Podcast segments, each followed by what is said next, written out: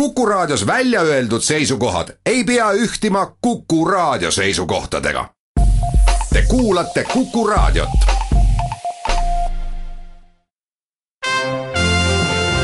Tallinna Filharmoonia esitleb Filharmooniline huvitaja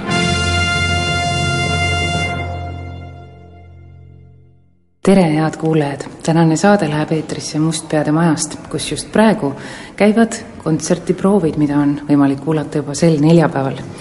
see on Mozarti ja Mahleri sarjast kontsert Taevane elu, dirigent on Risto Joost.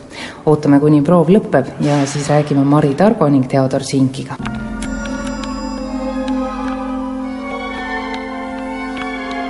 tervist! Mari Targo, mängid viiulit ja Theodor Sink, sinu pill on tšello. Kui kaua te olete juba proove teinud selle kontserdi jaoks? me alustasime juba möödunud nädalal, et äh, Mahlerisse ikka lõplikult süveneda.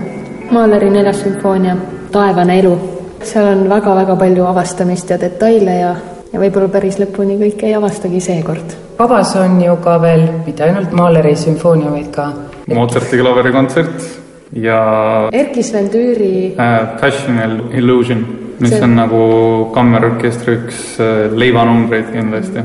täpselt sellises kombinatsioonis ka. kusjuures seal, see on ju tegelikult kolmene teos nii-öelda, Jah. et seal ees on ka action, mis seekord jääb ära. no see, see avaldub, ma arvan, ülejäänud kava osas. et seda action'it on seal tegelikult äh, küllaga, et, et võib-olla oleks selline ülemäärane äh, laks ja et proportsioonid võib-olla lähevad just niimoodi seekord paika mm. -hmm. ja et äh, meie peadirigent, kes siis seekord äh, meid juhatab, Risto Joost, rääkis meile ka proovis, kuidas tema jaoks äh, nüüd see Tüüri, äh, just need konkreetsed kaks lugu, on tema jaoks nagu sild Mozartini. et see selgus, see rütmika, kõik see, et tema leidis, et, et tema jaoks need teosed kõnelevad omavahel kui raske see üldse on sisse elada sellesse, mida kunstiline juht, dirigent mõtleb, et vahest võib endale tunduda see ebaloogiline või ebatore. kui raske sellega on kaasa minna või on see üldse oluline?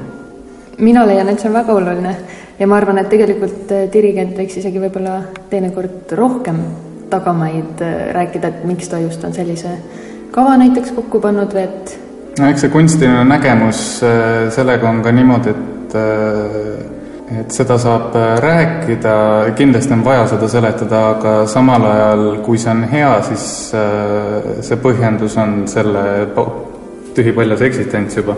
et, et see, see nagu jaatab ennast ise juba. see on midagi, mis äh, sellises kombinatsioonis annab midagi väga erilist kuulajale ja, ja ka meile kui mängijatele kas ta annaks seda erilisust ka ilma publikuta? kindlasti, vähemalt minu jaoks äh, alati, kui toimub kunstiline sündmus. aga publik annab ka kindlasti oma panuse. selles mõttes, et siis on veel kokkuvõtmine suurem ja, ja see jagamise vajadus, et sa tahad seda lugu jutustada no muusika nagu varasemal ajal, kui ei olnud taasmängivaid niisuguseid seadmeid, et siis äh, see muusika mõte kui selline oli, elava muusika mõte oli selgem isegi kui tänasel hetkel, et äh, selline proovides selliseid momente esineb, kus on niisugust klaarust ja innustust, aga üldiselt on äh, see moment ja see, see teadmine, et see toimub ainult ühe korra, et see annab mingi teatud äh, siiruse sellele asjale Äh, asja võib lihvida ju igavikuni, et, et see, see iseenesest võtab võib-olla isegi seda kirge nagu vähemaks, et seetõttu see publiku olemasolu seal tunnistajatena sellele momendile on nagu väga-väga oluline. Kas vahest ei ole nii, et on proovid ära ja siis tuleb see kontsert, aga jääb kuidagi tühi tunne, et alles nüüd läks see lahti või läks lendama, et nüüd tegelikult mängiks? seda ka väga see on tihti põhimõtteliselt pea, peaaegu peale igat äh, head, head kontserti. kusjuures üks asi on selline tühjuse tunne, et sa oled tõesti ennast nagu nii ära mänginud. aga teinekord ongi see, et, et nüüd tahaks nagu uuesti ja uuesti, uuesti seda, et see on näiteks tuuritamise võlu. Et sa saad ühte teost mõnes mõttes nagu ära leierdada, aga teisest küljest, kui see on ikkagi väga hea lugu, siis sealt on alati, mida avastada. minu, arust oli veel Rostropovitš see, kes oli äh, kunagine tšelloõpetaja Laine Leichter rääkis seda lugu, et, et äh, kuidas Rostropovitš oli vist ei tea isegi, mis tšellokontserti ta mängis, aga oli niimoodi kuuendat-seitsmendat korda juba seda orkestriga mänginud ja ütles, et noh, et nüüd, nüüd hakkab vaikselt asi nagu niimoodi, et nüüd hakkab mugav mm. -hmm. et nüüd ma teen seda, mida ma tahan. et see tegelikult vastab tõele, et, et me jõuame selle tulemuseni alles tegelikult äh, pärast pikka sellist esinemiste äh, tulva ja see tõeline harjutamine toimub laval. just nimelt, et ja. Äh, jah, alles see esimene publikuga kohtumine on tegelikult tuleproov mm -hmm. sellest, et, et kuidas see lugu siis tegelikult tuleb ja kuhu ta veel edasi saaks minna. ma arvan, et tegelikult hea võrdlus on ju see, et, et kui võitluskunsti või, või poksimist näiteks treenitakse, et, et äh, selle poksikoti taga võib ju põhimõtteliselt igavikuni treenida, aga see ei tähenda, et ringis äh, sellel samal ühel hetkel hästi läheb.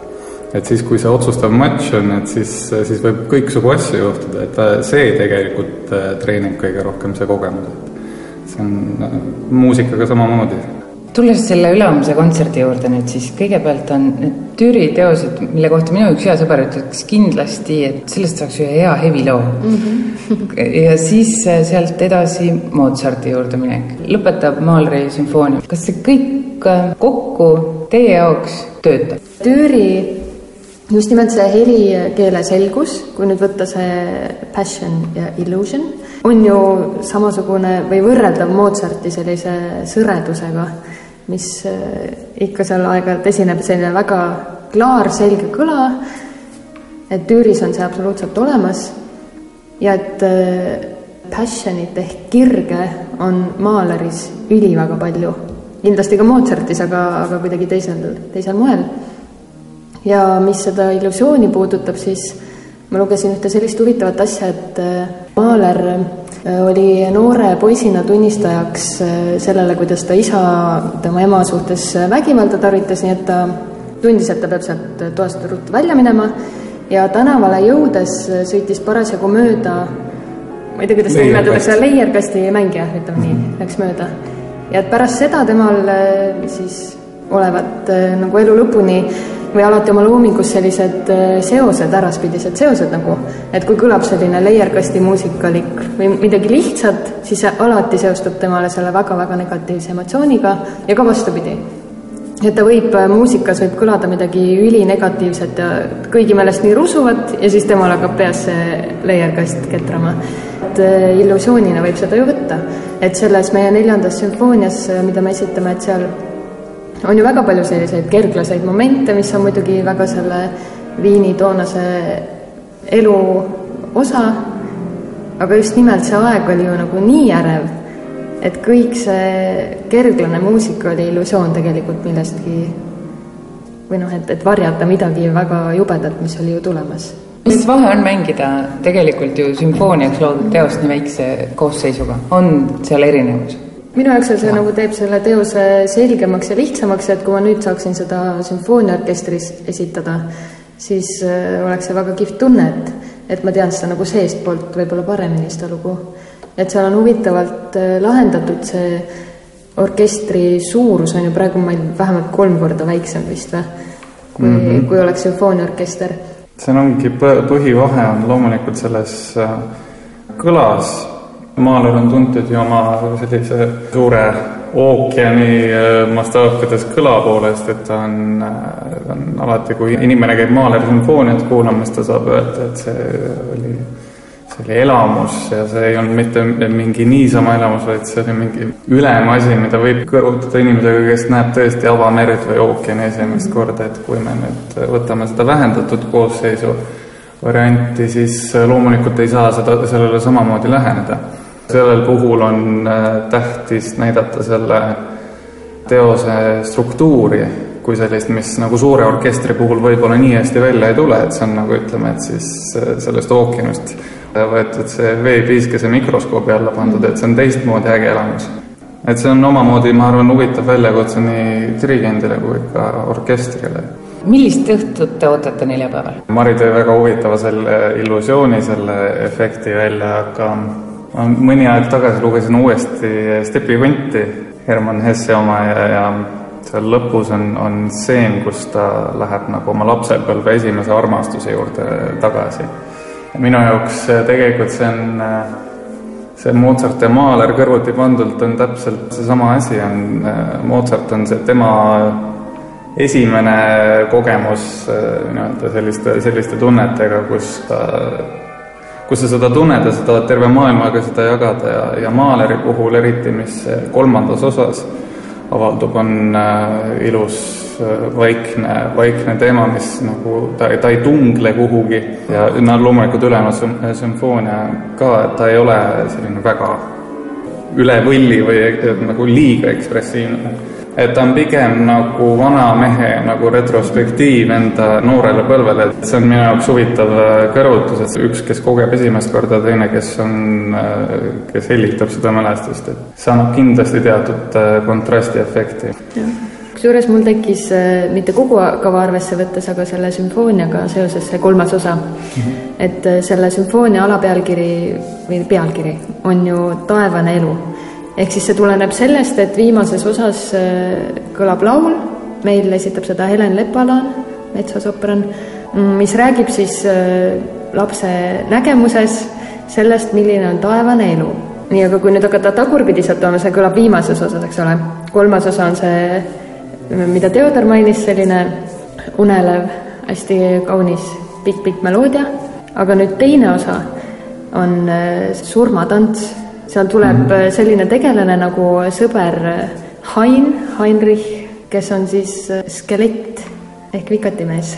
ja et äh, seal ta siis selle viiuliga trallitab ja kusjuures viiul on, meie kontsertmeister Harri Traksmann peab mängima kahe viiuliga, et teine viiul on häälestatud toon kõrgemale ja täna proovis, tal läks veel miigel katki, et see pannakse, pill pannakse ikka nagu nii viimseni proovile, sest et sada aastat tagasi oli La nelisada nelikümmend kindlasti madalam kui nelisada nelikümmend hertsi.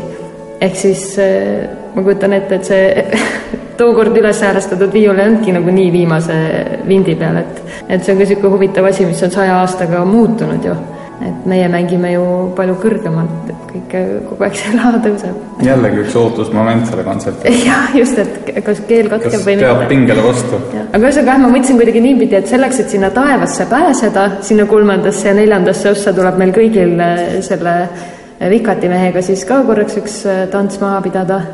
et mitte, et me kõik seal surema peaksime, aga lihtsalt üks selline kohtumine ja siis avatakse meile need väravad ja me näeme, saame korraks näha ja kuulda, et mis seal võiks olla. kõigest sellest saab osa juba ülehomme Mustpeade majas õhtul kell seitse. ja Mozarti klaverikontserdi number viisteist mängib Tallinna Kammerorkestriga koos Irina Zaharenkova. mis on ka juba muidugi väga eriline, sest ta liiga tihti siin ei ole. absoluutselt mm. -hmm. no ta on, ta on tõesti olen temaga korra koos mänginud, mitte küll ansamblis, aga orkestris saatnud ja, ja tegemist on siiski haruldase pianistiga. mis iganes äh, nägemustel Mozartist sünnib, see ei jäta mitte kedagi külmaks, selles võib kindel olla.